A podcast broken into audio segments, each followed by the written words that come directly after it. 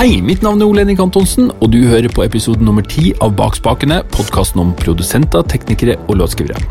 Gjest i denne episoden er Espen Lind. Og Helt siden han slo gjennom som soloartist med navnet Sway i 1995, så har han alltid omtalt seg sjøl som en skikkelig studionerd. Men tusenvis av Espen Lind-intervju der ute til tross, så er det veldig få der han faktisk har fått snakka om det som er det viktigste av alt. Her rykker selvfølgelig bak spakene ut på årets hvite hest, og det tok altså ikke mange minutter fra jeg sendte han en e-post og spurte om han ville være med, før han hadde svart at det ville han svært gjerne. Jeg kjørte ned til Hølen ved Son i Østfold, der han har et stort studio fullt av instrumenter, mikrofoner og utstyr, og fikk en lang og god prat med en veldig engasjert fyr. Etter å ha holdt på så lenge med det her som han har gjort, med en enorm suksess på mange arenaer, så skulle man kanskje tro at spillet inn var blitt litt mett, men den gang ei. Før vi går i gang, så tenkte jeg å minne om at Baksbakkene har en Facebook-side og en Instagram-konto. Gå inn og lik oss der, så holder du deg oppdatert om hva som er på gang i podkasten. Og der kan du også se bilder fra Espen Lind sitt studio. Det er ganske kult. Og så har vår gode samarbeidspartner Benum noen ord de skal ha sagt før vi setter i gang.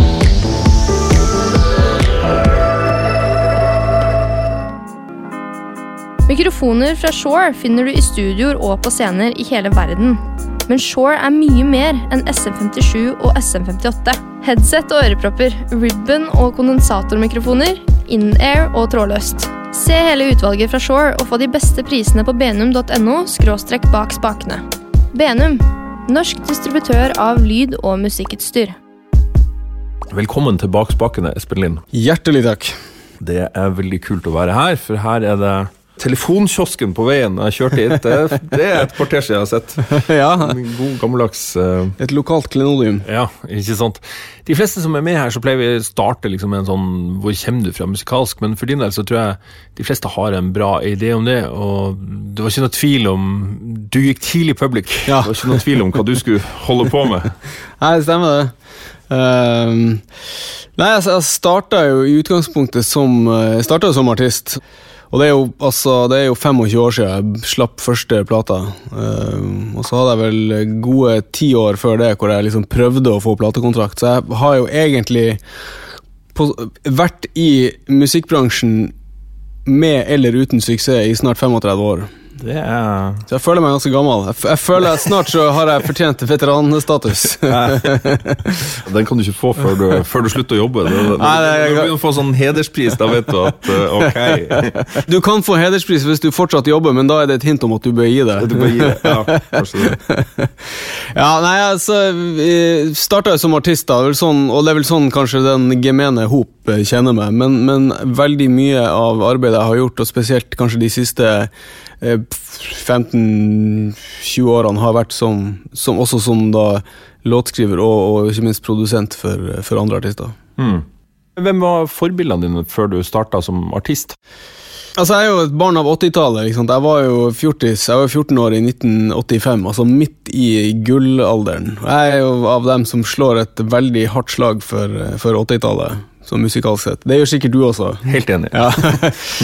sånn at eh, sånn rent sånn eh, popmusikkmessig så kom jeg jo ut av den der eh, midten av 80-tallet. Altså Duran Duran, George Michael, a-ha, uh, Thompson Twins, uh, Tears of Fears, hele den pakka der var bare ekstremt opptatt av og veldig glad i engelsk popmusikk på midten av 80-tallet. Og Det var kanskje der det på en måte starta, og, og jeg hadde jo selvfølgelig et veldig sånn, et veldig nært forhold til musikken til a-ha, som alle på vår alder hadde. Ja. Det var, en, det var skjellsettende at det gikk an å komme fra Norge og gjøre det her det, jeg husker at det jeg var mest opptatt av helt fra starten av, var å skrive låter. Jeg var, jeg var veldig opptatt av det å være låtskriver og få låter liksom ut i verden. Og jeg var kanskje vel så opptatt av det som å være artist. Men jeg skjønte på en måte at eh, når du er en 14-åring i Tromsø, liksom, du, det, det, eneste muligheten du har til å få låter ut i verden, det er å framføre dem sjøl. Så det ble på en måte den, den natur, Jeg ble liksom den naturlige eh, verktøyet da, for å få framført eh, få låter ut i verden. Så jeg bestemte meg for å bli artist og spilte i masse lokale band i Tromsø på 80-tallet. Og prøvde å få platekontrakt. Og um, drev med det i masse år og fikk avslag på avslag på avslag i flere år. Vi hadde liksom en, nesten en avtale med CBS, og så gikk det i dass. og det var, det var, mye Vi holdt på i mange år. Og så til slutt så bestemte vi oss uh, for å rett og slett spille inn et album sjøl. Egenfinansiert, og det her er vel i sånn 1990 eller noe sånt. Og vi klinte til og lånte liksom mange hundre tusen og gikk i et lokalt studio i Tromsø for å spille inn album. Og jeg husker at det, det her var akkurat i brytningstida, da når liksom 80-tallet var over og grunchen begynte. og Jeg husker at vi, jeg husker helt konkret altså vi var vært i studio og jobba og var nesten ferdig med det her egenfinansierte albumet. Så kom jeg hjem og så skrudde jeg på MTV, og så så jeg for første gang så jeg Smells Like Teen Spirit med Nirvana. Og Jeg husker bare at jeg, jeg skjønte at det er over. Det er nå bare de, det her er, De 300 000 jeg har lånt nå, de Ja, det her er over. Det er It's uh, we're done for. Det, det, ja. Du kunne bare på en måte Du sensa at uh, det, det, er en ny verden vi går inn i nå. Ja. Altså, men det som det gjorde, det å spille inn den plata, var det at jeg fikk uh, For første gang jeg fikk var i et ordentlig studio. Jeg fikk, jeg fikk et forhold til lyd og til det å produsere ting. For at der ble vi jo De første dagene hadde vi en tekniker, men etter det så fikk vi på en måte ta over sjøl og fikk styre skuta sjøl. Det ble til at jeg gjorde veldig mye av den teknikerjobben og ble veldig sånn opptatt av eh, lyd og god lyd. Og jeg hadde alltid vært ikke, fan av ikke bare artister, men også produsenter. Som på 80-tallet, f.eks. Trevor Horn. Ja. Fortsatt en av mine store idoler. Og konseptet med lyd, produksjon og arrangementer og, og liksom begynte å nøste opp i det. Hva, hva, er det som får ei låt til å høres bra ut? Hva er det som får ei basstromme til å funke med en bassgitar? De greiene der det fikk jeg ordentlig vekka når jeg liksom jobba i det studioet. Det studioet hadde ganske bra lytting, husker jeg. Det var et hva heter det? Studio? Ja, Det heter Aurora lydstudio. Ja, ja. Det var liksom det, det var vel egentlig det eneste ordentlige studioet som fantes i Tromsø. Det var 24 spor analog. Han hadde Otari MTR 90, og så hadde han et sånt et, Det var vel sånn DR, et sånn nederlandsk 24-spors eh, inline-bord. Og ganske lite kontrollrom, men det var bygd av uh, Andy Munro, så det låt bra. Det var, sånt, ja. uh, det var riktig dempa, og så hadde han først hadde han et par sånne Clark Technics Jade-høyttalere. Jeg husker jeg satt bak den mikseren og hørte på eh, musikk altså mange ja, Sikkert et år. Vi satt og jobba der. Og ble veldig vant til den lyttinga. Og jeg husker at det, liksom det konseptet med å plutselig kunne se inn i lyden mm. og, og, plukke liksom arrangementsdetaljer fra hverandre, det var ganske svært for meg. Og så husker jeg at han plutselig så oppgraderte han. Han solgte Jade-høyttalerne, og så kjøpte han et par Meyer HD1. Ja. Jeg husker jeg kom på jobb den dagen, så hørte jeg så låt det enda bedre. Jeg var så imponert, fordi jeg trodde at jeg hadde hørt den beste lyden i verden. Ja. Og så kom jeg inn, og så var liksom vokalen til Morten Harket var liksom dobbelt så stor som den hadde vært ja. på samme volum. Så jeg hadde mange jeg, hadde liksom, jeg fikk ordentlig liksom vekt den der lyd- og produseringsgreia uh, der. Hvordan var musikkmiljøet i Tromsø på den tida der? På det, akkurat på det tidspunktet så var det ikke så mye som skjedde, var opplevelsen min. Men uh, der følte jeg vel kanskje at vi var litt sånn Vi var litt alene.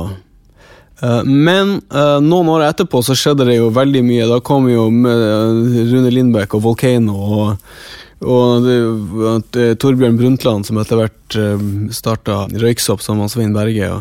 Så da, den der, den der Dance House-pakka, som jeg jo egentlig aldri var en del av, men den husker jeg var Det var jo det som var stort da. Ja. da så da følte man at det skjedde mye i Tromsø, selv om kanskje ikke var egentlig på min sånn musikalske hjemmebane. Når tid dro du til Oslo? Altså, Jeg signa første platekontrakten min i 95 med MCA. Da eh, flytta jeg vel til Oslo sånn et par måneder etterpå. Jeg bare skjønte at det ble for vanskelig å bo i Tromsø, og, drive, og det var så mye reising fram og tilbake hele tida. Ja. Så da bare godtok jeg at jeg må, nå må jeg bare flytte til Oslo. Ja, Han Amund Bjørklund som ja. vi snakka om litt før vi starta, som har vært din partner i mer eller mindre alle år. Mm. Jobba dere sammen da allerede? Nei, ikke på den første plata. Han, øh, men han tok kontakt med meg like etter at den første plata kom ut. Jeg kjente ikke han da, men han, for han er et par, tre år, tre, år, tre år yngre enn meg. Eh, så han tok kontakt med meg like etter at den første plata kom ut, og eh, bare sa Du, jeg digger den plata di, og jeg spiller gitar. Kan jeg få være med deg på turné? Og jeg syns eh, liksom den spiriten var så jævla bra at jeg ansatte han uten å egentlig ha hørt han spille. Ja, men fan, det er jo også den spiriten der, når du bare dukker opp uanmeldt på noen sider og sier du, jeg vil gjerne være med deg på turné, det er vanskelig å motstå det, liksom. Ja. Så eh, han ble med på turné først som, ja, som gitarist, men veldig fort da så utvikla det seg til et sånt et, et samarbeid og et nært vennskap som da har vart i ja, 25 år. Mm. Ja, for den, den første plata da het Svei, Mm. og det fikk jo veldig mye oppmerksomhet. Men det, det var det er mulig jeg husker feil, men det var kanskje ikke den helt store kommersielle suksessen på det tidspunktet? du husker helt rett. Ja. Ja, den, den fikk jo veldig mye forhåndsomtale, og fikk jo Det var masse skriverier, og jeg fikk kanskje ufortjent mye oppmerksomhet i media, og litt av det var nok fordi at jeg var litt sånn Jeg ba litt om det sjøl. Og så hadde det nok litt med å gjøre også at eh, det poplandskapet i Norge i 95 var ganske øde. Det var ikke så mye som skjedde, så jeg Nei. framsto nok som et sånt et, eh, friskt pust. Ja, ja, Så det var, det var artig å skrive om meg. Eh, og så Debutplata kom ut og fikk jo til dels eh, veldig gode kritikker. Jeg husker Dagbladet den uka den skulle komme ut, fikk eh, terningkast seks og var på forsida liksom, tidenes norske debut. Og Jeg var helt sikker på at det her skulle smelle, og vi skulle selge liksom 100 000 skiver. Og endte med å komme ut, og den solgte vel knapt 5000 X. Ikke sant? Det var tidenes mageplask. Den bare Jeg hadde liksom På det her tidspunktet så hadde jeg jo da brukt ti år på å skaffe meg en platekontrakt. Ti år med avvisninger fra plateselskap. Og jeg hadde vel etter hvert begynt å bli såpass desperat på å skaffe meg en platekontrakt, for jeg skjønte at tida mi var i ferd med å løpe ut, at jeg var begynt å kanskje skrive låter som var designa for å skaffe meg en platekontrakt. Jeg prøvde å lage meg hits. Jeg prøvde å si og gjøre ting som jeg trodde skulle gi meg en kontrakt, og det funka jo. Men det, det traff jo ikke publikum. Ikke? Hvis du gjør ting som kanskje ikke helt eh, Hvis du ikke har hjertet ditt i det du holder på med, så kan du på en måte ikke forvente at det treffer noen andre heller. Så det tryna jo fullstendig. Det var en kjempefiasko. Men jeg fikk lov av Universal til å gjøre, gjøre ett album til. Så jeg børsta, børsta støvet og gikk i studio og, og begynte på album nummer to. Det gikk ganske bra. Det gikk ganske bra. Det var, eh, da husker jeg at eh, da skrev jeg først eh, Jeg skrev ti låter som jeg følte var jævla fet, som jeg mente skulle bli albumet mitt, og så hadde jeg ei sånn ekstralåt, en litt sånn rolig låt, som, som jeg ikke egentlig følte var Jeg syns den, den hadde et eller annet ved seg, men jeg tenkte at den hadde passa bedre til en annen artist. Men så sendte jeg alle låtene til Petter Skingsås i MCA. Og så sa jeg du her er den nye plata, akkurat sånn her syns jeg den skal være. Og så har jeg lagt til ei låt nummer 11 helt til slutt, den skal ikke jeg ha sjøl, men hvis det er noen andre på labelen som vil ha den, så kan, så kan du gi den til dem. Og Så ringte han meg opp neste dag, og så sa han eh, Så sier jeg 'hva syns du om låtene?' 'Nei, jeg liker egentlig ingen av dem', sa han, utenom den der låt nummer 11. og hvis du, altså, hvis du gir den bort, så er du tjukk i huet. Det er jo, den, det er jo en sånn låt som kan starte hele karrieren din. Ja. Og eh, da husker jeg at eh, Da husker jeg hadde sånn lite sånn oppgjør med meg sjøl, hvor jeg tenkte at eh, jeg gjorde opp status. da På det her tidspunktet så har jeg holdt på i tolv år uten noen form for suksess. Og jeg har liksom alltid bare fulgt mine egne indre stemmer. Og, så tenkte, og det har beviselig ikke funka jævla bra så langt. Tenkte, kan, kan, du se, kan vi se, kanskje Petter Skingsås, da, som jo strengt tatt er en av Norges eh, beste ENR-er gjennom tidene, kanskje han vet hva han snakker om. Så jeg dro i studio og spilte inn den låta eh, med min egen vokal, og det er jo da When Susanna Cries, som Ja. endte opp med å bli en, en sånn gjennombruddshit for meg. Og da tok det av. Da Ja, da, det, den ble jo kjempesvær. Den var liksom nummer én i to måneder eller noe sånt. Og, Ja. og, og solgte tror jeg, jeg lurer på om det er 600 000 eller noe sånt i- rundt omkring i hele verden. Og brukte et år eller to på å reise rundt og promotere. Og, så det var en, eh, sånn, ja, rett og slett et, et ordentlig, ordentlig gjennombrudd. Og da hadde du produsert helt sjøl, du og Amund? Ja, da husker jeg vi delte ei leilighet nede i Vika. eh, en sånn toromsleilighet. Så hadde vi studio på eh, studio inne på soverommet, og så bodde vi ute på stua. Så vi spilte det inn der. Vi hadde en sånn gammel, den tidlige Pro Tools eh, Det var vel Pro Tools 3 det het den gangen, Ja. sånn Nubus-kort. Ja, ja. Så vi spilte inn på det og litt på Adat. Og så miksa vi det i eh, Studio 1 med Ja. Truls Birkeland. Bare fordi du, du kunne liksom Å mikse i Pro Tools i 95 var det ingen som, nei, i 97 var det ingen som hadde hørt om. Nei, nei, nei. Men så hele skiva ble stort sett spilt inn, eh, spilt inn der på soverommet. Det var gode tider. Det var gode tider. du var enda fremdeles i den artist, eh, for du gikk rett på neste skive? da? Ja, da gikk jeg rett på et album til, og så, um, når det var over, så kjente jeg vel på det at uh, For jeg husker at det oppfølgerplata til Altså det som da blir mitt tredje album Andreplata var en kjempesuksess. Tredjeplata gjorde det helt greit, men jeg brukte veldig mye tid på å spille den inn og på å skrive den, og det var en ganske sånn, det var en uphill battle. Ja. Jeg husker at da tenkte jeg at jeg har lyst til å gjøre mer enn det her. Jeg har lyst til å skrive mer musikk.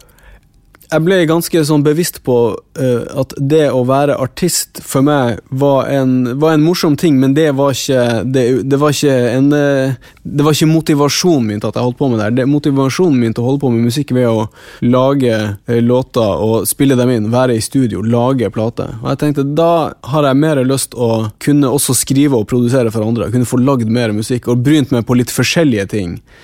Og jeg opplevde jo veldig fort at det å skrive og produsere for andre er jo Det er jo en helt annen sport enn å skrive og produsere for seg sjøl. Og på mange måter lettere, for du slipper at Artister er jo Man er jo sine egne verste fiender, og man bruker masse tid på å tvile på å stille spørsmålstegn ved ting som man egentlig bare skulle Der en produsent ville sagt 'slutt å tenke, det her er bra, vi gjør det sånn her'. Det opplevdes som en veldig sånn en positiv ting. En veldig sånn en, en, Jeg fikk på en måte fristilt hodet litt. Jeg begynte å skrive litt låter og produsere for andre i Norge på litt sånn Kyrkjebø og gjorde noe Maria Redondo. Var innom litt sånne Idol-ting og sånt. Og det her var jo sammen med en Amund Bjørklund. da. Og så begynte vi etter hvert å jobbe litt med Stargate. De var jo da fortsatt i Trondheim. Og gjorde noen låter sammen med dem, og gjorde en del ting i England, og litt sånn der Tommy Kitten og noe greier. Og så plutselig så fikk de en idé om at eh, Eller de fikk en forespørsel fra Rock Nation om å kunne lage ei, ei countrylåt med beats på. Og så, ja, så vi får prøve på det, da. Og så husker jeg at vi kom opp med liksom Gitarparten spilte jeg inn i studioet vårt, og så la Tor Erik og Mikkel la på noen beats. Og så eh, fikk de igjen Nio til å gjøre en topline. Og eh, det er jo da eh, Irreplaceable. ja. Og så sendte vi det over til, til statene, og for å prøve liksom å shoppe det rundt, da. Managementet vårt, for vi har samme management som Stargate. Prøve å shoppe den rundt i USA, og fikk eh, litt sånn napp litt her og der. Og det var lenge Det var ei som het Fantasia, som var en sånn Jeg lurer på om hun var Idol-vinner eller noe sånt, som skulle gjøre den. Hun var en flink artist.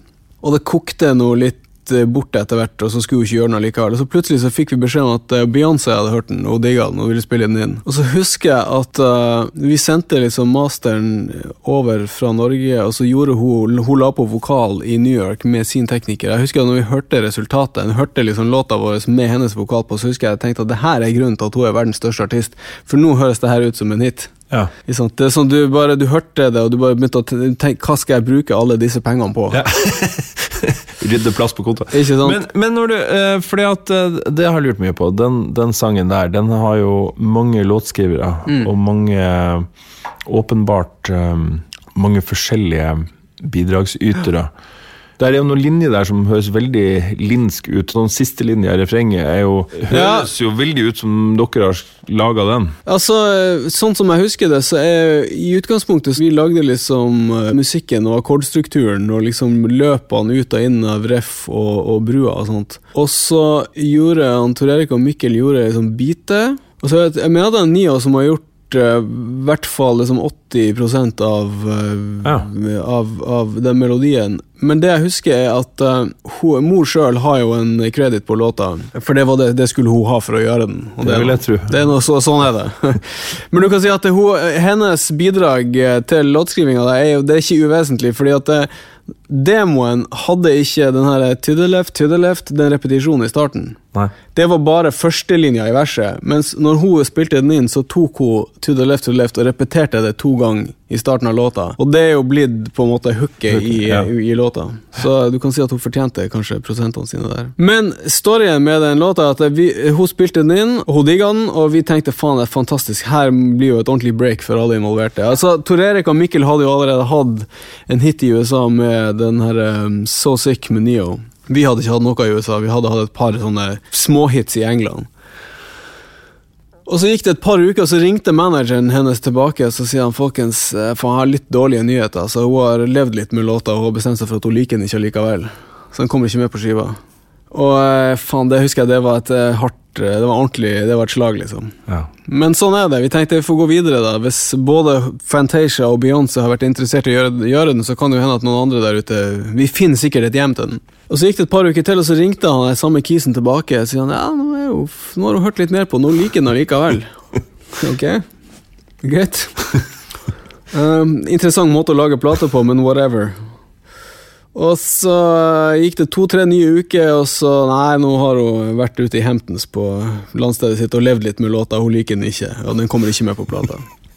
Og det gikk så langt som at eh, skiva ble presentert for verdenspressen. Det ble presentert for Billboard og liksom New York Times uten at vår låt var med. Og historien jeg har fått høre, er det at det, sånn omtrent siste kvelden før plata gikk i trykken, så var det da han eh, Swiss Beats som vel da også hadde et annet kutt med på skiva. Han var eh, inne på kontorene til Sony, så sier han faen, hva som skjer med låta til nordmennene?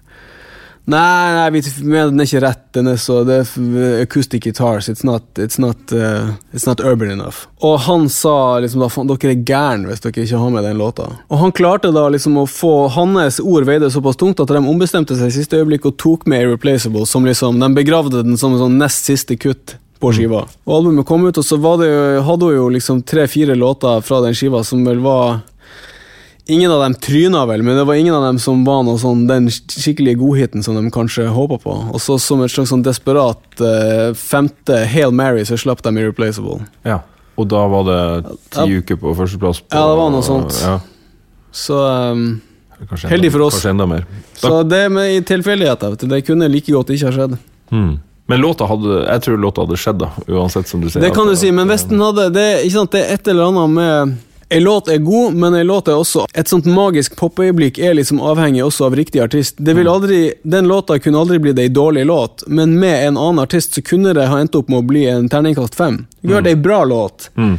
men den det er et eller annet med ho og låta, og at den I dag så høres det ingen som Man tenker ikke noe over det når du hører akk-gitar og 808-trommer, liksom, men det var helt, Det var helt- sensasjonelt. da. Det var det. Og når hun attpåtil kom på med liksom sin autoritet, så var det et sånt sånn magisk popøyeblikk som bare var liksom umotståelig. Og der er man litt ja, som avhengig av den tilfeldigheten at du får rett artist på til rett tid. Ja. Det traff godt. Ja, det gjorde det.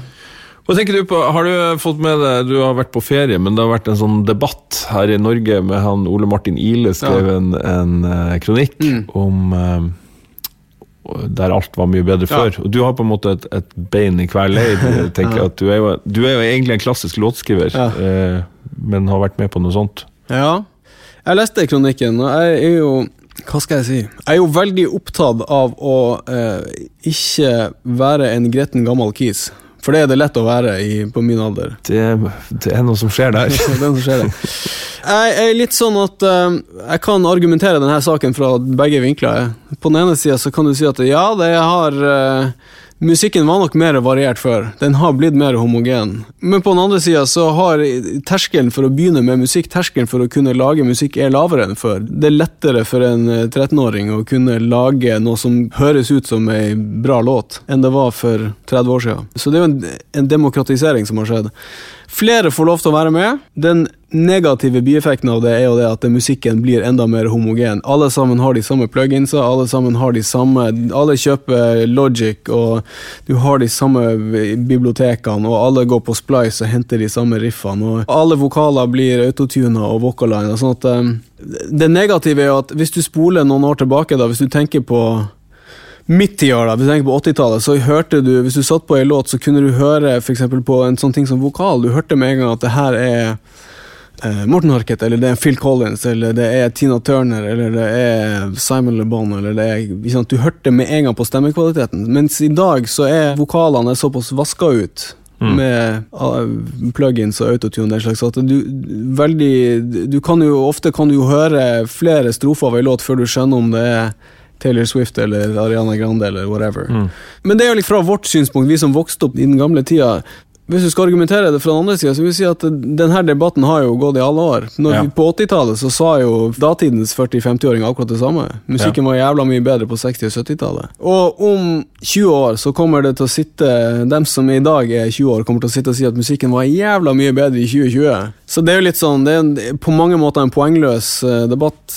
Alt har så mye å gjøre med Hva du opplever som god og magisk popmusikk, har så mye å gjøre med når du var tenåring sjøl. Men det jeg tror er at musikk er kanskje litt mindre viktig for folk i dag enn det var for uh, vår generasjon. Det er kanskje opplevelsen min. Musikk er litt mer forgjengelig. Vi bruker mye mer musikk i dag. Musikkonsum har aldri vært så høyt, men du får musikk kasta etter deg overalt. Gamle dager så måtte du spare penger, og så når du har fått ukelønn, så sykla du ned på platebutikken og kjøpte ei plate, og du gikk hjem og du satte deg ned med headphones og du hørte på den plata, og det var en aktivitet i seg sjøl, å høre på plate. Mens i dag har jeg inntrykk av at veldig få hører på musikk for å høre på musikk. Musikk er noe som du har på i bakgrunnen hvis du gjør lekser eller er på gymmen eller sitter på bussen på vei til byen. Eller. Det å lytte til musikk er kanskje ikke så viktig lenger. Ungdommer i dag har jo sikkert De har jo glede av musikken, men jeg, har, øh, jeg tror de konsumerer musikken på en annen måte enn det vi gjorde. da. De gjør nok det. Det er jo ekstremt mye mer inputs hele tida. Mm. Det er veldig bra at uh, ungdommer kan kjøpe seg en laptop og kjøpe seg GarageBand eller Logic og lage låter kjapt og få det til å høres bra ut. Men jeg håper at det å kunne spille litt av et instrument og på en måte klare å dyrke litt egenart, at ikke det blir borte. Fordi at øh, før du hadde de her hjelpemidlene, så var du på en måte du var, du var nødt til å lære deg et eller annet for å kunne framføre musikk. Du, du trengte ikke kunne mer enn tre akkorder på gitar.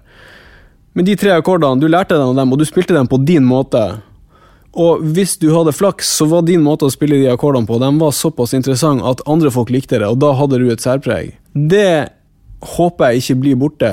Det at du lærte deg å spille gitar av en eldre bror eller han eldre gutten i gata som hadde en elgitar Det å lære seg å spille instrument er en sånn ting som må bli liksom lært videre av de eldre ungdommene. Og Hvis alt det blir borte til fordel for at alle er DJ som er laptop og sitter og er toplinere av produsenter, det tror jeg er, for å bruke et moderne uttrykk, det er ikke bærekraftig. Så jeg håper at det, er interessen for å lære seg å spille et instrument og, og ja, å ha et eh, slags sånn personlig særpreg, at det ikke blir Jeg håper ikke det går tapt oppi alt det her.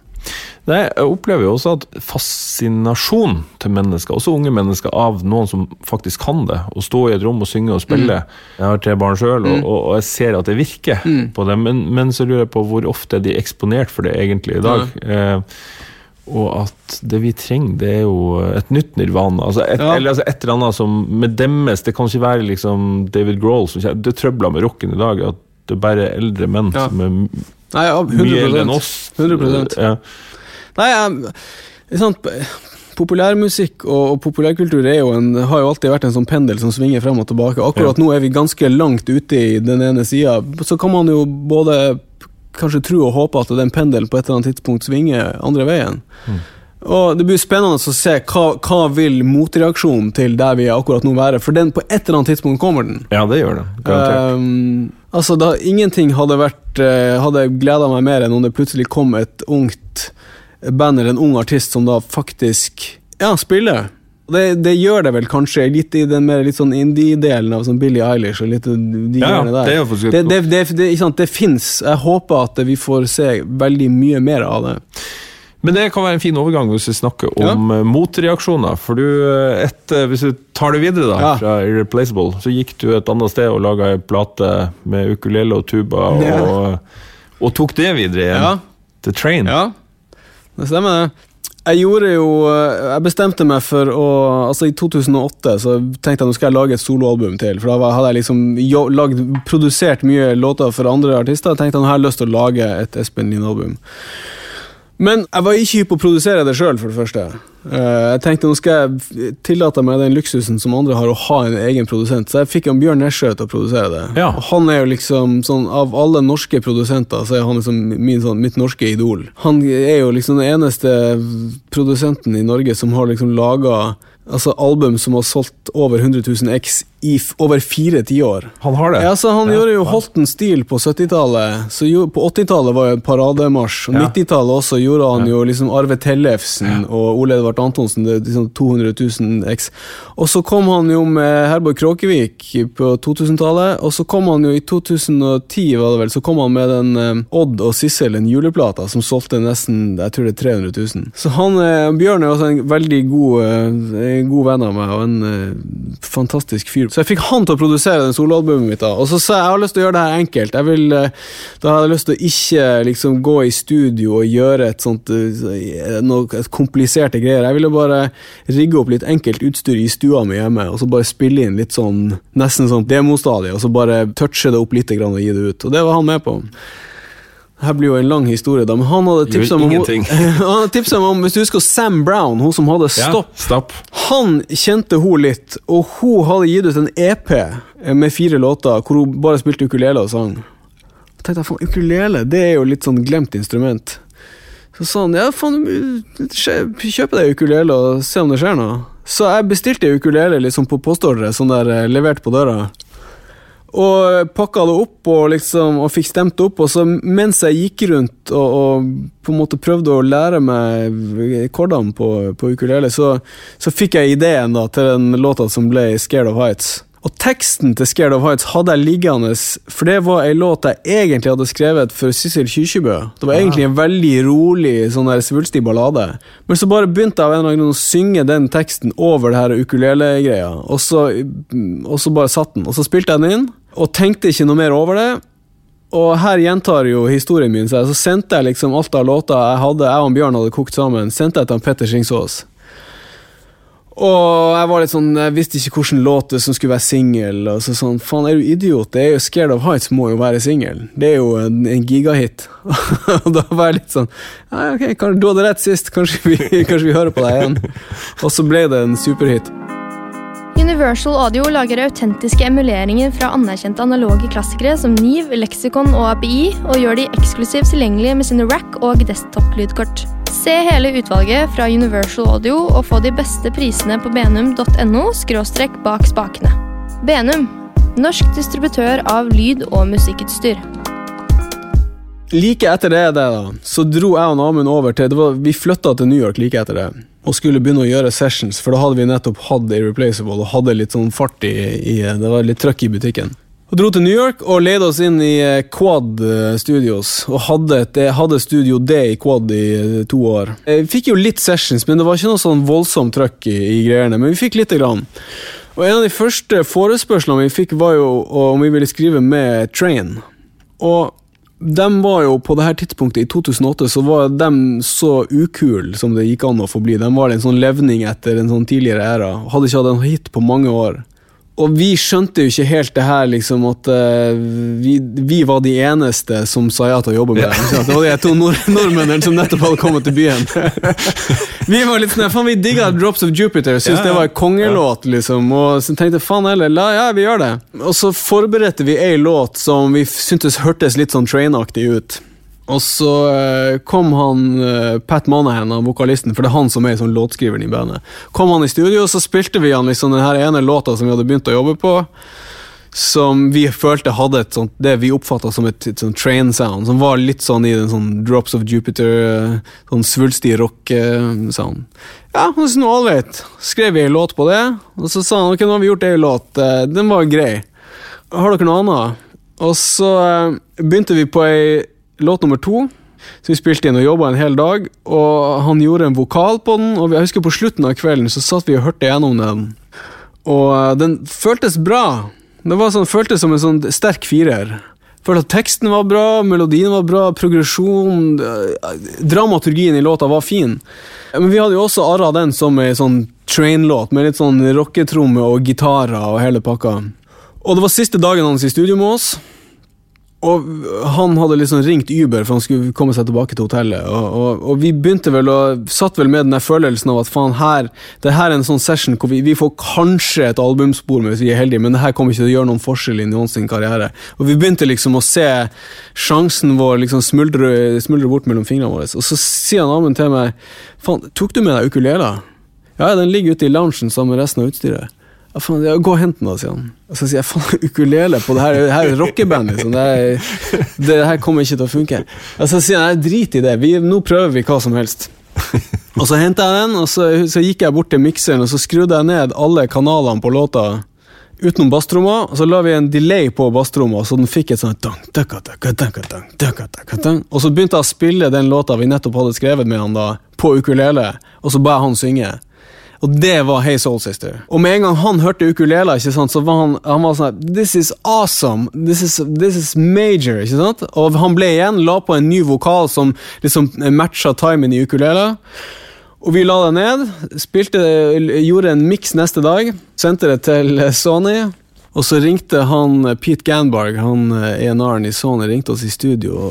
Og så husker han Jeg husker ikke om det var meg eller han Amund som snakka med han, eller om han var på speakerphone, men han var litt sånn der vi, vi var sånn, Hørte du låta?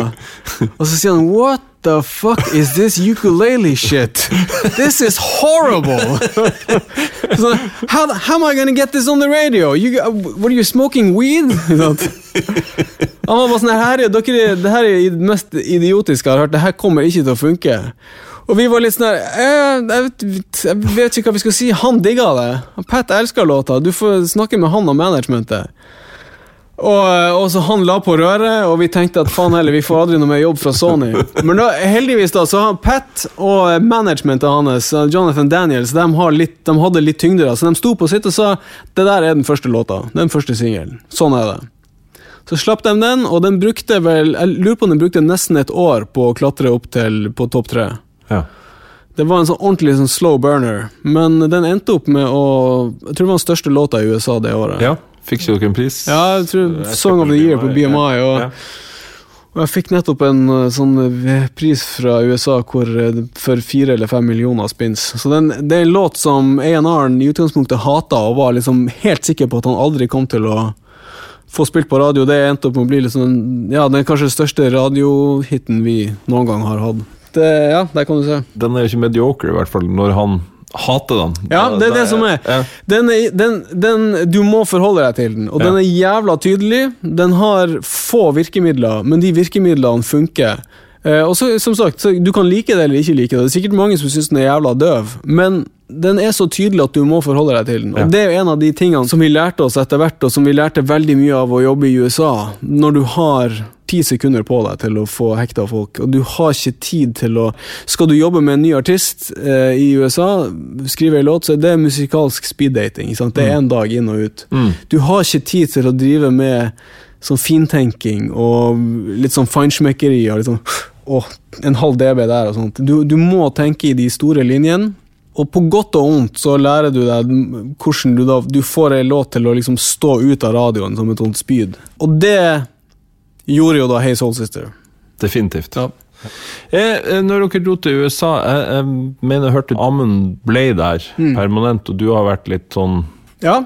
Vi reiste jo over Vi flytta over i 2000 og, 2007. Og bodde i New York. Og bodde vel i New York i helt til 2013 eller 2014. Da flytta vi base til Los Angeles. Da var det rett og slett bare New York hadde på en måte utspilt sin rolle. Vi kom jo inn Vi kom til New York helt på slutten av liksom musikkeventyret i New York. Men flere og flere studier hadde gått konk. Og blir lagt ned og, fordi bare husleien er så dyr på Manhattan. Og låtskriver etter låtskriver emigrerte til California. Og til slutt så Stargate dro, og til slutt så dro vi også. Mm. Så vi flytta base over i eh, Los Angeles og leide oss et studio der. Og Amund hadde jo barn, to barn og, og kone, så han flytta jo dem over dit da, og måtte jo ha litt sånn stabilitet i livet sitt. Så de bodde der. Jeg på det her tidspunktet hadde jo da også begynt å kjenne på at eh, etter så mange år med den eh, sånn hardcore hitjobbing i USA det hadde jo kasta veldig av seg, men jeg kjente samtidig også at jeg var begynt å bli litt mett på Eller jeg trengte en litt variert diett, for å si det sånn. Og jeg hadde lyst til å kunne gjøre litt andre ty annen type musikk, og prosjekter hvor jeg kunne gå litt mer inn i dybden, bruke mer tid, gjøre et helt album med en artist, f.eks. Og jeg tenkte at det er noe jeg kan gjøre i Norge, så jeg begynte å, å veksle tida mi litt grann mellom å jobbe i USA med Amund og, og, og produsere litt ting her hjemme i Norge. Og det gjorde jeg i ganske mange år, og det var en ganske sånn en en fin ting for meg å kunne gjøre. Jeg fikk liksom det beste av eh, begge verdener. Mm. Og husk at Det som fikk meg til å begynne å produsere plate i Norge, var at jeg, hadde en samtale med faktisk med Bjørn Nesjø på telefon, hvor han sa ja, nå har du hatt masse hits i USA, og liksom ting kan jo omtrent ikke gå bedre for deg der borte, men hva, hva er det du kunne tenke deg å gjøre ellers? Er det noe annet du kunne tenke deg å gjøre? Så sier jeg ja, jeg er litt sånn, jeg, jeg begynner å føle at jeg er litt, kanskje litt mett av det her, jeg har lyst til å gjøre noe annet. Jeg kunne veldig godt tenkt meg å jobbe med lage et album i Norge hvor jeg kunne gå inn og bruke litt masse ordentlig tid på ting, gå litt i dybden. Og med, gjerne med et, et, band som har et tydelig uttrykk fra før, sånn type Vamp eller Hellbillies eller noe sånt. Og, men så sa jeg altså, men det, sant, det, kommer aldri til å skje. Dem, for, for, for, dem så er jeg en sånn popprodusent. Uh, jeg, jeg, er ikke på deres radar i det hele tatt. Men jeg det er en ting som kunne vært morsomt. Og jeg i at ja, det kunne sikkert vært artig, det. Og så tenkte jeg ikke noe mer på det. Og så, og så to måneder senere så var jeg på ferie i Spania. Og uh, alt det her høres uh, ut som jeg finner på, men det er helt sant. det, det, det, skjedde faktisk. Vi var på ferie i Spania, og så ringte plutselig Petter Skingsås meg. Uh, og så sa han du, uh, vi har nettopp signa Vamp. Og skulle, vi skal gjøre et nytt album med dem. Kunne du ha tenkt deg å produsert et album med dem? Ja, faen, ja, det kunne jeg jo absolutt. Altså. Vi må jo vite at vi kommer overens og litt sånt, men, men på papiret, ja, absolutt. Ja, Altså, Øyvind Staveland han er på feriestedet sitt nede i Spania, i Guardamar. Eh, hvis du kunne møtt han når du kommer hjem Litt, jeg er jo i Guardamar! så den ettermiddagen så kjørte jeg da bort til eh, feriestedet hans, eh, Øyvind, og, fikk, og møtte han for første gang og fikk høre liksom demoen til plata, og det, og det som da var demoen til Liten fugl. Og når jeg hørte Liten fugl, så visste jeg at det her, det her kommer til å bli en hit. Det her er det bare å takke ja til. Så um, signa jeg på, og par måneder etterpå så var vi på Færøyene og spilte inn eh, Vamp-album. Ja, for du spilte det inn på Ja, spilte det inn på det som heter Studio Blokk, som er det eneste studioet på i Færøyene. Og det er jo et sånt gammelt fiskemottak. Jeg lurer på om man har fått en sånn veldig gunstig leieavtale av myndighetene for at det, skal, det er et sånt kulturfremmende prosjekt. Så når vi kom dit, så var det helt ferskt. De, jeg tror ikke de hadde hatt noen klienter inne ennå. Men de hadde en eh, det her Euphonic System 5-kontrolleren. Eh, og så hadde de eh, Pro Tools, og så hadde de et svært innspillingsrom som var veldig høyt under taket. Skrått tak. Og så hele taket var dekt av sånn trehjul, sånn trolltekt. Så rommet var stort, men dempa, sånn at du fikk Du kunne ha mye lyd der inne, og fikk veldig god isolasjon allikevel.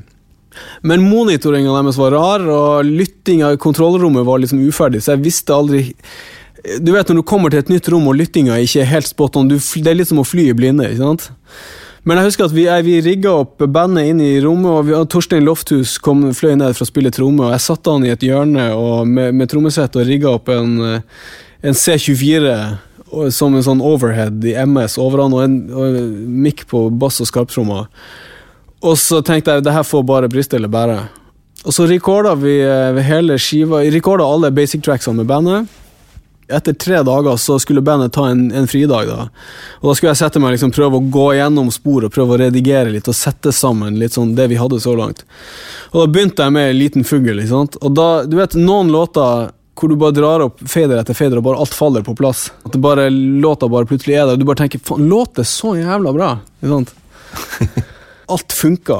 Det hadde en sånn vibe. ikke sant? Og så var vi der i tre uker, gjorde ferdig overdubs. På slutten av, altså Siste kvelden i studioet så gjorde jeg råmikser av hele skiva. Så reiste vi hjem til Norge, og så skulle, vi, eh, og så skulle jeg gjøre liksom ordentlige mikser her hjemme. da. Men alle hadde jo hørt på de råmiksene, jeg inkludert, og labelen også. Og så begynte jeg å sende liksom ordentlige mikser over til han Øyvind, og responsen hans var liksom Ja, men det her låter jo ikke like bra som, eh, som, som de dem, demomiksene vi har. Og Jeg måtte jo innrømme at han hadde rett. Det var liksom et eller annet med de gamle råmiksene. Så vi endte opp med å bare bruke råmikser på hele skiva. Og når du hører på den i dag, så har den jo et veldig sånn den har masse mellomtoner. Det, liksom, det, det, rommet der hadde så mye sånn 1-1,5 kilo her. Så du hører at alt har et litt sånn der sound. Som jeg i ettertid prøvde å dra ut når jeg skulle mikse skiva på ordentlig. Men med en gang jeg begynte å dra ut de tingene, så forsvant litt av den der eh, stemninga som var i det rommet. Fordi hele bandet spilte live. Det var et sånt godt snapshot av det som foregikk akkurat der og da. Så um, den skiva er jeg ganske sånn stolt av. Den har mange sånne tekniske feil, kan du si. Ja. Sånn miks- og produksjonsmessig, men, men, den funker veldig, veldig godt allikevel, om jeg skal si det sjøl. Ja, det syns jeg du skal.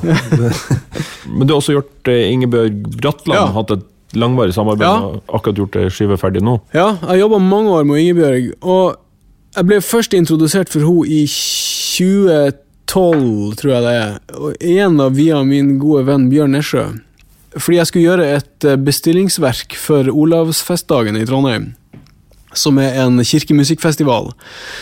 Og det her var da Bjørn som på en måte fikk, eh, fikk organisert og var, og var litt sånn produsent for i utgangspunktet. Og det bestillingsverket gikk ut på å ta eh, gamle salmer fra den norske salmeboka, og så rett og slett skrive ny, helt ny musikk til de salmene. Men jeg tenkte at eh, det alle forventa seg at jeg, at jeg skulle gjøre, var liksom kanskje å lage noe liksom moderne popmusikk til det. Men jeg, det var ikke noe som egentlig frista. Jeg hadde mer lyst til å få inn noe musikk som jeg aldri hadde jobba med før. Og så sa han Bjørn, du burde høre på ei jente som heter Ingebjørg Bratland. Hun er veldig ung, hun har ikke gitt ut noen skive ennå, men hun har vunnet eh, landskapsleken i folkesang. Og hun var, hun var jo litt sånn semikjent allerede, for det var hun som fikk kongen til å gråte når hun sang. Og så husker jeg at eh, Så han satte opp et, eh, et sånt introduksjonsmøte da, hvor jeg møtte hun og bare fortalte hun litt om ideen min til de her, eh, den her konserten. da. Og jeg spilte henne et par låter som jeg hadde skrevet på Jeg hadde skrevet melodi, ny melodi til 'Jeg veit i himmelriket en borg' og noe annet. Og Så møtte jeg henne, og så fikk jeg henne til å synge litt på de låtene der og da, og fikk jo hakaslepp, fordi det var så fint. Ja. Hun synger fantastisk. Det, altså, det er helt insane. Og nå har jeg jo lagd tre-fire plater med henne og turnert med henne, og hun er jo som ei søster for meg. Ja. Men jeg er fortsatt sånn når jeg jobber med henne i studio, og hun skal synge, så må jeg jeg må konsentrere meg for å klare å ha en sånn profesjonell distanse til det, fordi det er så lett å bli litt sånn henført bare av at det låter så jævla fint når hun synger. Ja. Du må klare å koble eh, ut den hjernehalvdelen som bare lar deg forføre av sangen, og prøve å høre er den linja helt on point, kunne det vært bedre, diste vokalen, for å tenke med den hjernehalvdelen også. Ja. Men i hvert fall, så da ble jeg introdusert for henne, og så gjorde vi den her eh, bestillingsverket da for uh, Olavsfestdagene med henne og med Langeleik og trøorgel og meg på gitar.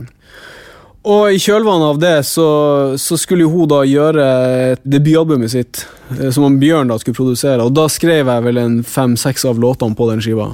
Og så dro hun på turné med Odd, med Hjemmefra.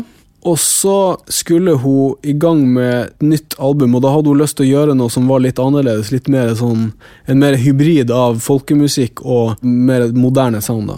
Og da spurte hun om jeg kunne tenke meg å produsere. Så sa jeg jeg kan produsere det sammen med min bror Geir Hvitsten. Vi har jobba mye sammen. Og han er veldig flink på liksom beats og, og synt-greier, og sånn, så jeg tenkte at vi to var et bra team.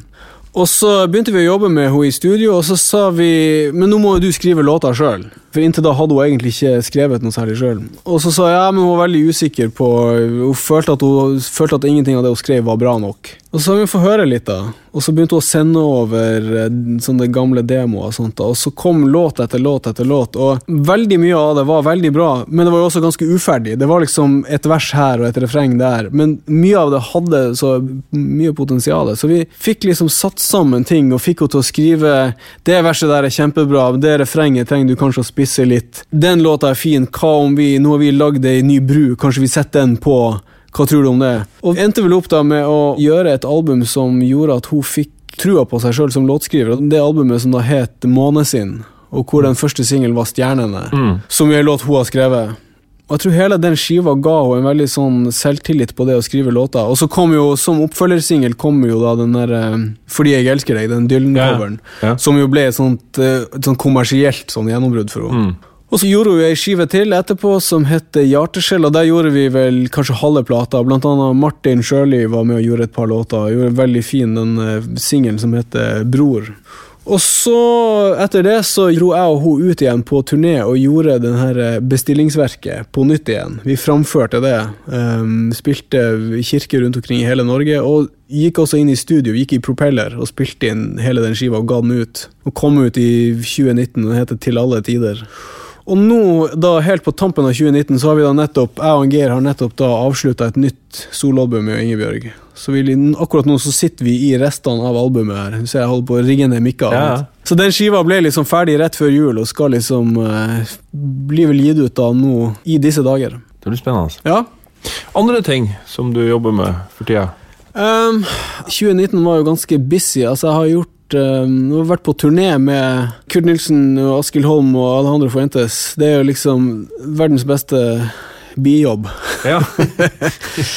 Så vi har vært vi liksom børsta støv av den gamle kvartetten eh, fra ti år siden. Det har vært, det må jeg si har vært veldig veldig morsomt. Så Vi fylte liksom to Spektrum og kjørte en lang sommerturné. Så det har vært veldig veldig gøy. Eh, Enda morsommere enn jeg trodde det skulle være. Ja. I 2018 og 2019 har jeg gjort to De Derre-album. Jeg gjorde, Ja. har nettopp gjort eh, så De Derre live i eh, Marka med Kringkastingsorkesteret. Produsert og miksa. Og eh, jeg produserte også den siste studioskiva deres som kom i 2018, den som heter Høyenhall. Så det er på en måte det siste året av eh, livet mitt har liksom vært det.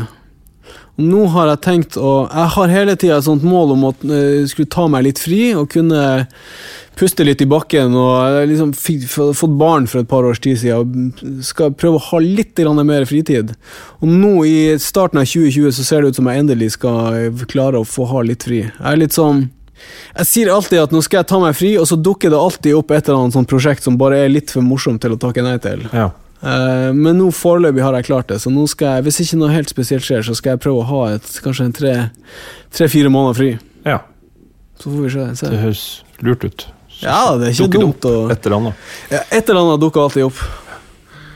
Og eh, egen eh, karriere, altså solokarriere, har du noen tanker om det?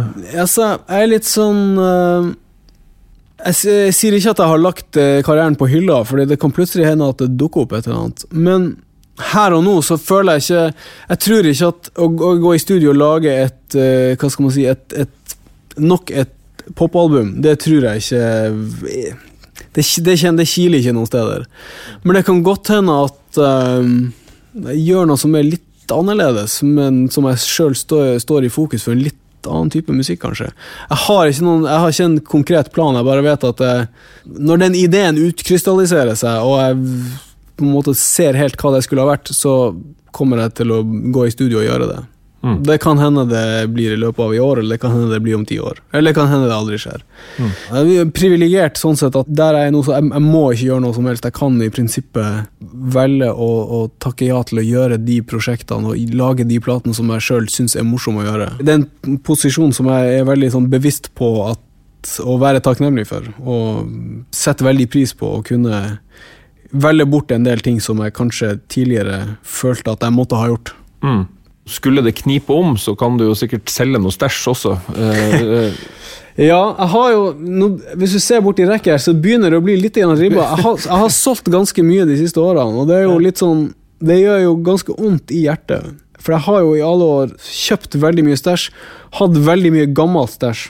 Men som jo mange av dem du eh, også har snakka med i denne podkasten, så er det jo sånn at det er ikke til å stikke under en stol at det er bare Det begynner å bli for upraktisk å bruke de gamle greiene. mm. I en verden hvor eh, en label helt fint kan ringe deg og si du, vi trenger en ny miks til A&R-møte med høyere vokal, vi går inn i møte om 20 minutter, Mm. kan du sende så har du bare ikke tida å gjøre en recall med outboards. Det bare funker ikke. Jeg må omtrent kunne sitte på laptopen min og styre Mac-en fra hjemmefra og bare gjøre bounce en ny miks med høyere vokal. Ja. Og også det at masse av det gamle stæsjet hadde det, det kreves mye for å holde det ved like. Det går i stykker hele tida. Så jeg begynte for noen år siden, så tok jeg en sånn avgjørelse om at eh, når jeg mikser her, så mikser jeg ikke med outboards lenger. Jeg gradvis slutta. Jeg solgte Jeg hadde EMT-plate, jeg hadde masse outboard-kompressorer, jeg hadde outboard-EQ-er. Sånn jeg selger det her, noen andre kan få bruke det og holde det ved like, og så mikser jeg i, i Pro Tools. Og for 15 år siden så låt det ikke noe bra. For 10 år siden så begynte det å låte ganske bra, både av eh, miksbussen i Pro Tools og ikke minst plugins begynner å bli ganske bra. Og nå i 2020 så lydmessig, så selv om jeg er ganske jålete på lyd, så jeg vet ikke om jeg egentlig med hånda på hjertet kan sitte og si at det er en eh, en outboard-kompressor på masteren at det gjør noe mer for meg enn en bra plug-in på masteren. Jeg tror at mye av det er psykologisk, at man vet at man har en ganske dyr outboard som står på masterbussen. Det må være bra. Det må være bra. Det er klart det, det, Ja, ja, da gjør det kanskje at du liker jobben din bedre, og det er viktig, det òg. Ja da. Men eh, så jeg, nå har jeg egentlig beholdt uh, mesteparten av Jeg har alt av preamper og sånt for, jeg, for å kunne gjøre recording. Ja. Og alt av mikker og sånt har jeg fortsatt, men alt av kompressorer og sånt er, er ute. Og alt av gamle preamper også. Jeg hadde flere sånne gamle V76-er som også låt jævla bra, men som gikk i stykker hele tida. Nå kjøpte jeg den her retro instruments, den powerstripen, for noen år siden, og den har egentlig gjort mesteparten av den vokalrekordinga som jeg brukte V76-en til. Og den går ikke i stykker. Så har jeg Niven Nive, en 1073 og en GML eh, som jeg bruker til mye ting som skal være litt cleant, og har noen API-preamper. Og noen sånn AEA-preamper som er fint til ribbon, til båndmikker. Ja. Og så har jeg noen gamle CM-preamper som eh, Olav Sandøy satt i rekk for meg, som også er ganske fin. ja. Så det eneste jeg har beholdt av sånn outboard-outboard, er jo den eh, Atomic Squeezebox, den eh, kompressoren som står helt øverst der. Det er en sånn rørkompressor som eh, Den syns jeg Det mener det er den fineste sånn outboard-kompressoren jeg egentlig noensinne har vært borti. Den bruker jeg til både recording og Ja, til alt, egentlig. Ja. Men uh, utover det så skjer alt i Pro Tools. Har jo mye plugins, da. Og kjøper jo en del nytt også, etter hvert som det kommer. Noen favoritter? Ja altså Bare up front si at jeg har en sånn endorsement deal med Slate, da. Bare så Ja. man er ærlig på det. Men Ja. jeg syns Slate-plugins er jævla bra. Ja. Og UAD bruker jeg mye. Så UAD, Slate, uh, Soundtoys og Fabfilter bruker jeg mye også. Der har du vel egentlig mesteparten. Spesielt Slate og UAD er det som kanskje I den grad man får kick av sånn plugins låt, så syns jeg der, der er det mye bra. Fabfilter syns jeg Jeg bruker det mye fordi det er så lett å bruke, altså så fin interface oversiktlig. oversiktlig. EQ-en er liksom min go to på de aller fleste ting. UAD er det jo, der er det jo så masse å velge i. så det- Jeg bruker vel sikkert bare en femtiendedel av alle pluginsene deres. Men jeg syns den nye 1073-en deres er jævla bra. Det er nydelig. Bare å sette, bare skru på EQ-kretsen EQ-kretsen der uten å røre på den, så skjer det et eller annet med vokalen. Du får liksom litt den der eh, Litt mer i toppen og litt i bånn, og den trykker det sammen på en sånn fin måte.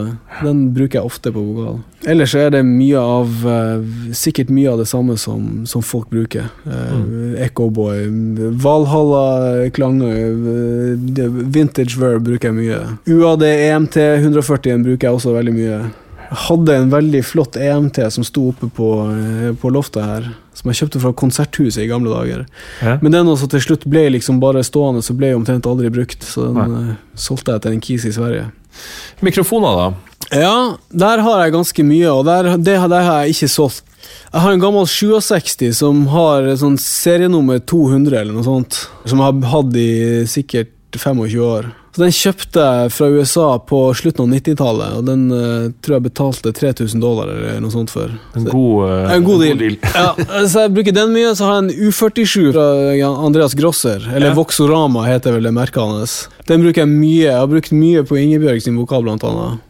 Og den syns jeg låt eh, veldig fint. Jeg opplever at den låt ganske nært eh, original U47, men alle har jo litt forskjellige oppfatninger av hvordan en original U47 Ja, låt. Jeg husker Mike Hartung og Ja. jeg diskuterte det her, og han testa både den Grosser og Altså, den eh, Er det Bock?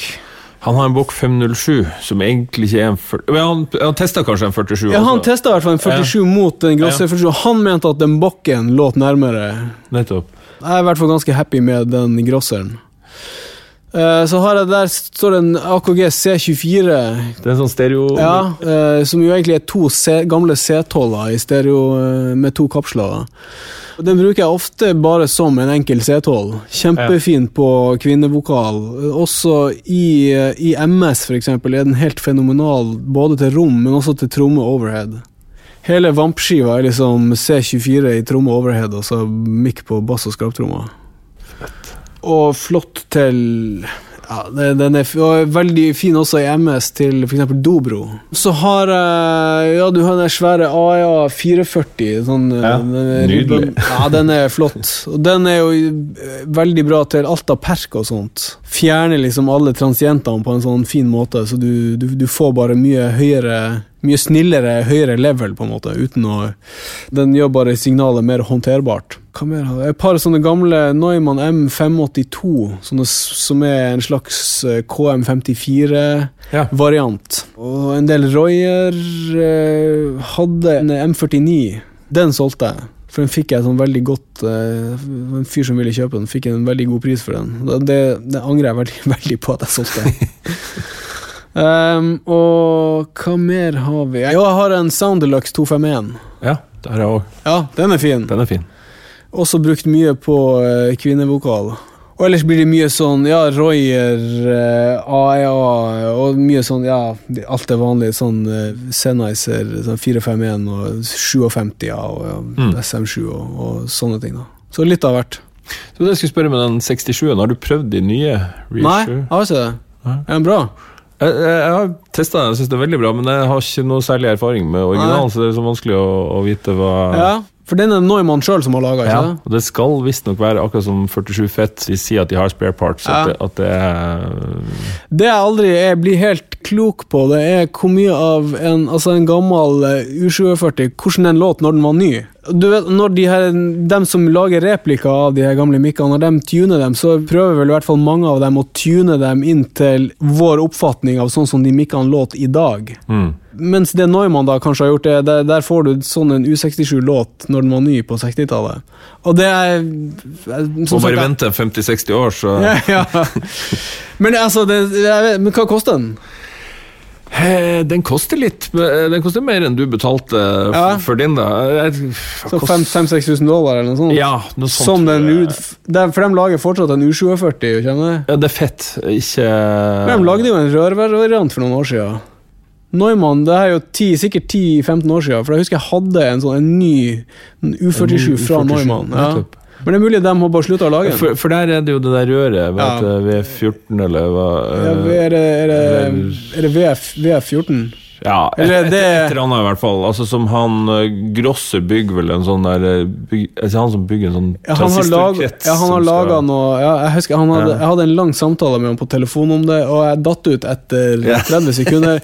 Men jeg elsker å høre lydnerder snakke seg varm, så jeg lot han fortsette.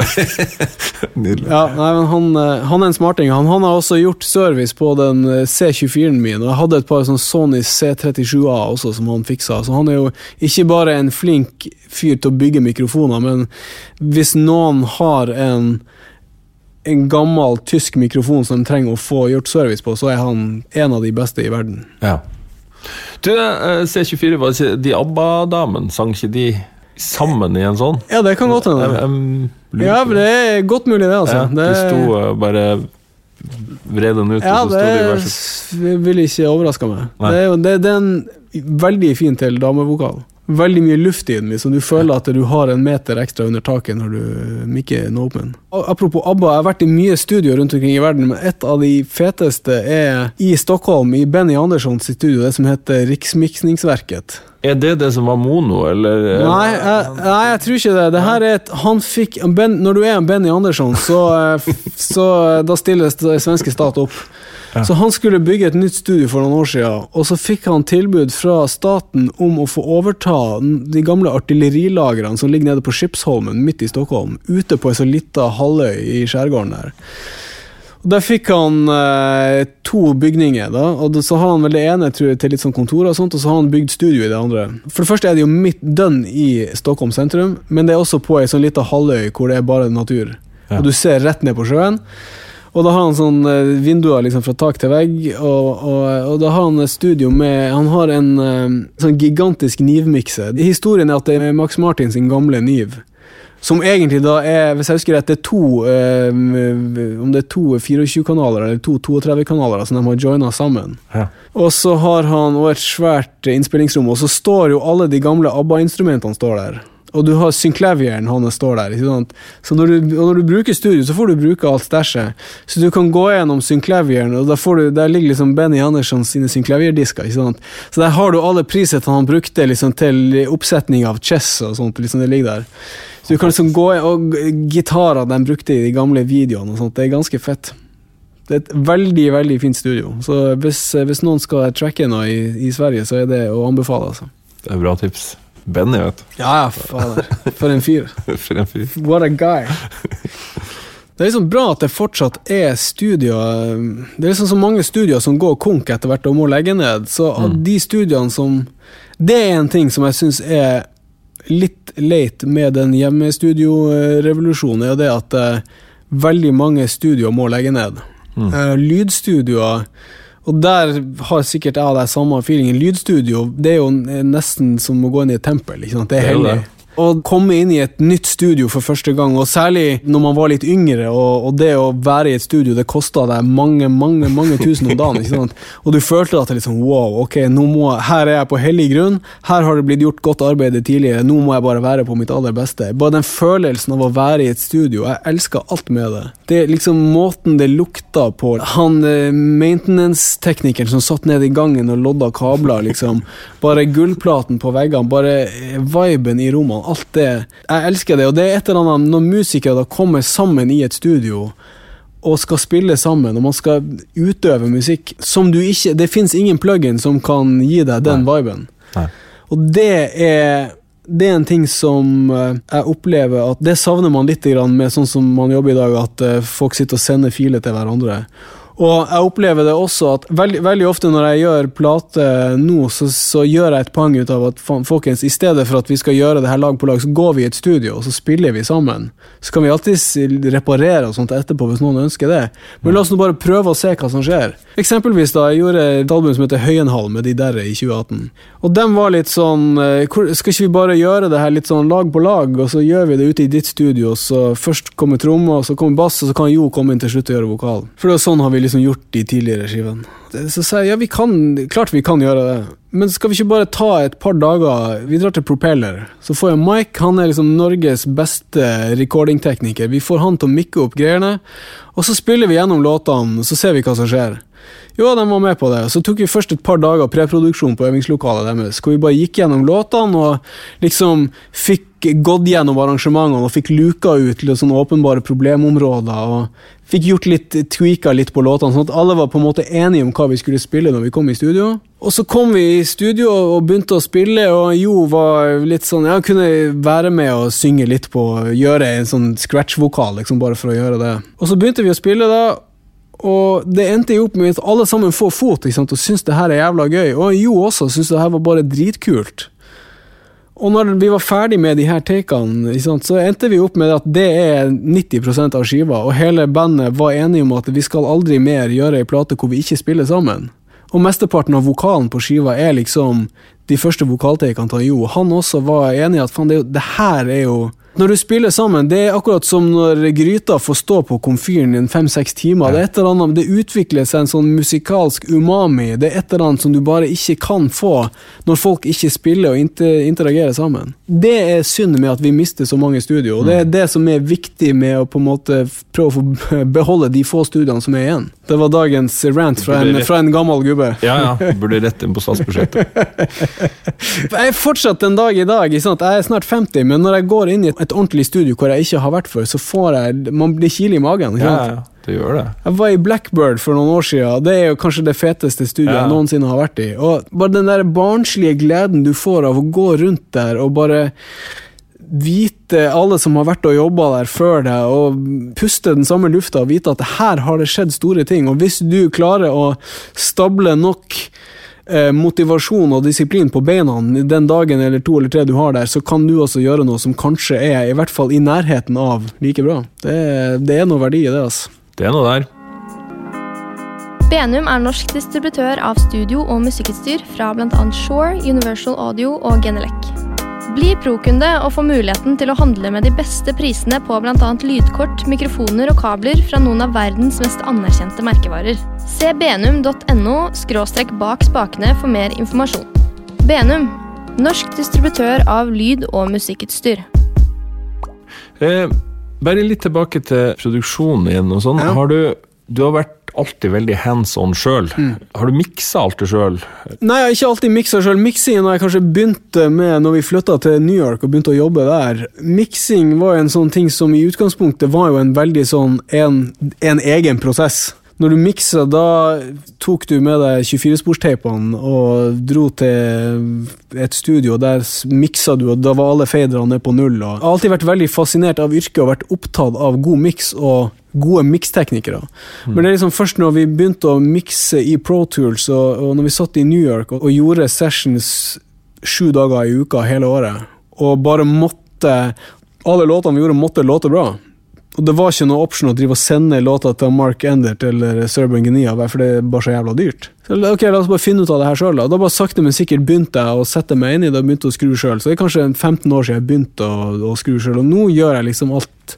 Alle skivene jeg gjør her hjemme, mikser jeg vel stort sett sjøl. Og miksing i dag har jo blitt en mye mer integrert prosess. Og i hvert fall hvis du produserer skiven også, så du mikser jo egentlig helt fra du Det her vet jo du, at man mikser jo fra den første tracket blir lagt. sånn at eh, ja, nå er jeg som sagt nettopp gjort ferdig et Ingebjørg-album, og når, når, når man da de, det siste pålegget er gjort, så, er det jo, så sitter jeg jo kanskje i to, tre, fire timer med hver låt, og da kan jeg ofte sitte bare hjemme i studioet mitt hjemme og bare gjøre litt sånn der eh, Finjustere litt og fjerne noe resonanse her og der. og Småraide litt. Grann. Mange endringer som sannsynligvis ingen andre hører enn jeg, men det gjør at jeg får sove om natta. Ja, det er viktig, det òg. Det er det, altså.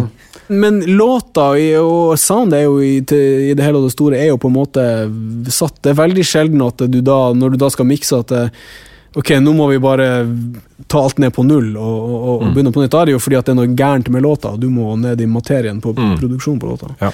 Og det ser du jo, de store mikserne i dag, i hvert fall dem som er i popgamet, hvis du da snakker om Serban eller Mark Endert eller Tony Maserati eller de guttene der, det de gjør i dag er jo, og det er de jo ærlige på sjøl, altså, det er jo stort sett bare sånn demo better. Altså da De får en ferdig session med alt av ruting og plugins, Mm. og så går de inn og bare sørger for at eh, du får det soundet du har laga, bare bedre. Ja.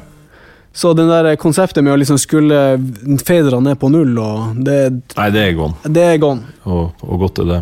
Um. Ja, det var kult hvis du fikk en av de ordentlig gode du? På, Jeg husker på andre skiva mi så hadde vi en Chris Lord Algie og er Ja, ja. det, det er kult, fordi han skjønner hvordan du har tenkt at det her skal låte, og du får det soundet som du har prøvd å få, men aldri fått til. Men utover det, så før man begynte å mikse sjøl, så er det klart at de, veldig mange mikseopplevelser er frustrerende, fordi du har en idé om hvordan det her skal låte, og miksteknikeren, han det er, ikke, det er ikke sikkert han skjønner det. Han vil en litt annen vei, og du ender opp med å liksom må, du, Man trekker i forskjellige retninger, og så blir resultatet blir ikke sånn som du ønsker. Mm. Ja, klart, sånn som Chris Lord Algie hadde jo også veldig, eller har en veldig sånn tydelig Jeg husker et band som heter Lorraine, som vi hadde Som jeg Ja, ikke var involvert i, men de var på Watfold, Ja. der som jeg var. Og der han miksa. Og det Ja. var sånn der eh, Når den kom tilbake og var spilt på eh, PC-en på eh, kontoret der, Mm. liksom eh, Dere har fire timer nå på, på edits. men det var bare helt fantastisk. Altså, Ja. det, var liksom, Ja. det var akkurat det samme, altså, men han bare hadde sortert i Ja. og sånn. Ja han, han, Jeg har jo vært i studio med han når han har miksa, han har gjort eh, flere ting for oss, og det er liksom han er, jo, han er jo akkurat sånn som du ser på sånne videoer på YouTube. Han er Ja. liksom det mest amerikanske og breiale du kan Ja, tenke deg. Men han er bare jævla god til å bare Jeg husker hva var det han sa, for jeg ga han et kompliment. Jeg sa Your stuff always sounds so good. eh, Liksom, Faen, åssen får du det til? Og så trakk han på skuldrene sine. Well, you just have to make that fucker sound exciting. It shouldn't, shouldn't take all day. Han, eh, jeg har møtt han et par ganger. Og eh, type. Ja, det er litt av en type. Dessverre, så for meg så har det Jeg syns bare han er så, så jævlig harry at jeg har begynt å synes at Jeg har alltid digga miksene hans, helt fra James Brown, 'Living in America'. Altså, sånn der, men, men dessverre så um, Ja, han er blodharry. Han er liksom på en måte både det beste og det verste av en Ja. sånn LA rocke... ja, er Men en kis som jeg aldri har møtt, men så, altså min store, store miksehelt gjennom tiden, er Bob Clearmountain. Ja. Han er jo som, har, hele, det har jeg fortsatt en dag i dag. Jeg har løst, En dag så har jeg lyst til å bare få en skive, han til å mikse ei skive. Sant? Han Kisen, han hele Altså, alt han har gjort, alltid, så har jeg bare syntes har lått så jævlig bra. Ja. Eh, Altså, han, det er bare så jævla fint. Og så kan du si at noen av de tingene han gjorde på 80-tallet i dag, låt kanskje litt dated, og det innrammer han vel sjøl også, men det er jo litt av det som skjer når, når ditt sound definerer et tiår. Hvis, han hvis du ser utover 90-tallet, de tingene han har gjort, sånn der Jonathan Brook og sånn som faen, Woman in Chains med Tears for Fears, og uh, han gjorde en miks på ei Sheryl Crow-skive som heter Good Is Good. Altså, det, det låt bare så jævlig bra. Og, så, og det låt så radio, men det låt så fint, og det er så bright, men det er aldri Og det er hardt komprimert, men du føler aldri at det er komprimert. Altså, han Kisen er han er en sånn, han jeg, sånn Jeg kunne ha gått tilbake og bare vært intern i studioet hans, bare for å kunne liksom bare, for, liksom bare sitte og se på at han jobber. Altså. Det er bra det finnes noen sånne. Ja, jeg vet ikke, han, er- I dag så tror jeg han eh, har vel også kanskje sånn halvveis pensjonert seg, men han gjør vel bare Stones og i Stones liveskive og sånt, og Nettopp, ja. en og annen sånn slenger. eh, Så jeg tror han Hvis man kommer til han med ei skive som han syns låter ålreit, og han så tror jeg han eh, får helt sikkert han til å mikse skiva di. Hmm. Du får ta neste, neste Ja. soloskiva. Ja, Ja. du, hvis jeg noen gang gjør ei soloskive, så skal jeg faktisk vurdere det ganske seriøst. ass. Guttedrøm. Guttedrøm. Man må ha noe sånne. Ja, for faen. Det, det, er når, det er når de blir borte, du blir den gretne gamle Det er helt sant. Uh, Det, det, er helt sant. Altså, Trevor Horn, jeg, jeg, jobber med han. Tenk så jævla fett det hadde vært. Første Sway-skiva miksa vi i Sarm, Sarm West. Og han eh, som miksa Han mikstekniker der, han var jo Altså Alle som jobber i Sarm West, da er du jo i prinsippet Du kan bli innkalt til tjeneste hos en uh, far Ja. når han skal jobbe. ja. Og han hadde jo jobba på en del av de SIL-skivene. Han sa at det, det arbeidsregimet der, det er ikke noe spøk. Nei. Han, altså han, øh, han Far sjøl er jo altså, verdens hyggeligste fyr, men han uh, har jo alltid Han hadde alltid liksom tre rom gående, ikke sant? og satt jo da forskjellige engineering teams og rekorda og klipte og satt sammen ting. Og så gikk han litt sånn fra rom til rom, kom inn om morgenen og, og, og, og jævla sånn on point med Faen, du, den gitaren som vi rekorda i forrige uke, hva hvis vi prøver den i det verset der? Det her er jo liksom i Pro Tools veldig spede dager, så du måtte bare ha koll på eh, liksom hvor ting var. Og, og de jobba vel sånn omtrent 24 timer i døgnet. Og så var han der eh, sånn fra morgenen til sånn litt ut etter, etter lunsj, og så dro han hjem og slappa av noen timer og spiste middag med familien. Så kom han tilbake på kvelden og jobba utover natta. Og teamene bare avløste hverandre. Og så røykte han weed hele tida. ja. Og, så, og hadde stålkontroll, huska liksom hver eneste overdub som var gjort liksom fra tre måneder tilbake, og du bare måtte være klar til å vite hvor den var, og kunne trekke den opp på, på ikke sant? Ja, fy faen, han er bra. Så har han selvfølgelig også de folkene, sånn Steve Lipson og de, dem som han hadde med seg. Det har jo bare vært det beste av de beste når det gjelder bare arr og lyd og feinschmeckeri. Og, og så selvfølgelig alle skivene har kosta millioner og Ja, det- tatt, tatt år å lage. det har det jo. eh, altså, Men den dag i dag så kan man sette en sånn slave to the rhythm. Du kan sette den på og bare bli blåst i bakken av Ja, hvor jævla bra det låter. Ja. Det er crazy, altså. Crazy Missil. Ja, ja, det er rett og slett. Den også er veldig bra. Den husker jeg altså, den Seal-skiva, når den kom den kom også akkurat det Jeg husker det punktet jeg nevnte med når vi hørte Ja. ja. Smells Like Teen Spirit. Den, den Seal-skiva var også akkurat ja, kommet da. Ja. Og du skjønte også at det her er bare en ny type popmusikk. Vi, Mm. vi, er, vi er dinosaurer. Vi er 18 år gamle dinosaurer. Vi, det vi holder på med, gjelder ikke lenger. Ja, Det er hardt. Det er hardt. det er hardt. Dere jobba mange år mot statene og, Ja. og internasjonalt. Sånn. Hvor står du der nå? Uh, mm, jeg tenker ikke så mye på det. Det er jo en Nå Uh, er jo det en, en jobb som jeg føler at jeg har pensjonert meg fra. Jeg gjorde det jo i mange år, og syntes det var veldig morsomt og veldig givende. og tok seg godt ut på CV-en. Men nå eh, føler jeg at for meg så er det, det kapitlet over. Akkurat her og nå så føler jeg ikke at det som jeg kaller sånn musikalsk speeddating Akkurat nå er det andre som er flinkere enn meg til akkurat det, og det er noen andre som har mer interesse av det også. Og jeg føler at uh, min tid og min interesse nå er nok bedre brukt på å velge noen få prosjekter og så gå litt dypere inn i dem. Og det betyr ikke at jeg har noe imot å jobbe med en amerikansk artist eller noe sånt. Eh, Det har vi jeg og Namin har vel diskutert litt om man skal liksom gjøre noen sånne utvalgte prosjekter her og der.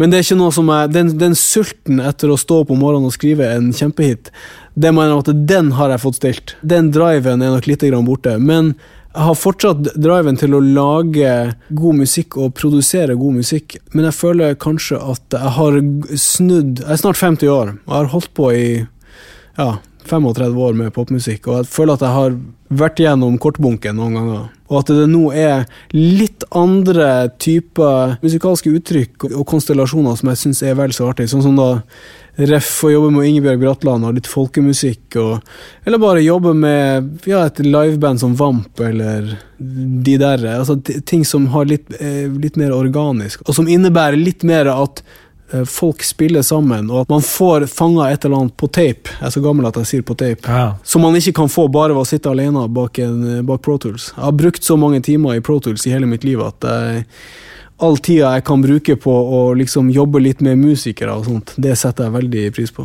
Mm. Har du noe drømmeprosjekt? Fins det noen artist i dag Mm. som, som du Ja For det første, så det er en ting jeg har veldig lyst til å øh, jobbe med, er jo Jeg kunne veldig godt tenke meg å lage musikk til film. Musikk Ja. til film eller musikk til TV. Det er en ting som jeg øh, skulle ønske meg jeg kunne gjøre. Og så kunne jeg tenke meg altså, artister som har litt øh, et litt mer sånn En artist som type Jamie Cullum, eller Eksempelvis sånn type et, et, et crooner-album, eller sånn sant, Elvis Costello og Burt Bacharach. Mm. Noe musikk som, har, som involverer orkester, involverer et større ensemble, og hvor, man, hvor mye av jobben går ut på, og produksjonsjobben går ut på å rendyrke materialet og lokke frem de beste eh, performancene fra band og artist. Det er en sånn ting som jeg hadde syntes var, var veldig morsomt å, å jobbe med. Altså, sånn som å gjøre de der med kringkastingsorkester er jo morsomt, fordi at du, du blir dratt så veldig ut av den vanlige produsentrollen hvor du sitter mm, og har stålkontroll på alt i Pro Tools. Plutselig så er du prisgitt eh, 100 åpne mikrofoner på en utendørsscene i, i, i regnstorm i marka.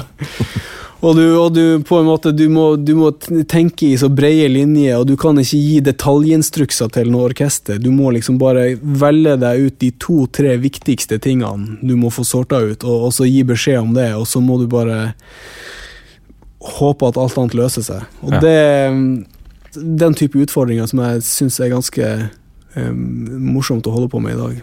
Da håper jeg at du får gjort mye av det fremover. Vi får se. Jeg har trua. Eh, Ja. Estelin, tusen takk for praten. Du, er veldig eh, hyggelig, altså. Det å få snakke om eh, nerdeting, det tror jeg de fleste av oss uh, lydnerder setter pris på.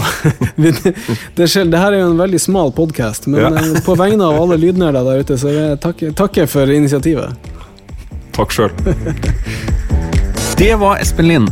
Etter at opptaket ble gjort, så fikk jeg en e-post fra Espen der han sa han hadde tenkt litt på det her med Irreplaceable, med Beyoncé, og kommet til at det nok var litt mer innfløkt enn det han forklarte når det gjaldt hvem som hadde skrevet hva på låta. Blant annet så tror han at det var flere av de involverte som har snakka om, som hadde faktisk hatt bidrag på Topline. Da er det nevnt. For meg så gjenstår det bare å takke Bakspakene sin gode samarbeidspartner Benum, som gjør det her mulig. Hvis du driver et eget studio som et foretak, så kan det hende du kvalifiserer som proffkunde og kan få kjøpe direkte fra Benum til nettopriser. Det er det mye å spare på. Du finner ut ved å gå inn på benum.no, skråstrek bak spakene, og søke om å få bli kunde. Hvis du sitter med mobilen og lytter på Apple Podcast nå, så er det kjempefint om du legger igjen en rating, for da vises bakspakene bedre i iTunes. Legg gjerne også igjen en kommentar om hva du syns. Følg også Bakspakene på Facebook, Instagram og Twitter, og gå inn på bakspakene.no og registrer deg for nyhetsbrev. Mitt navn er Ole Henrik Antonsen, og vi høres snart.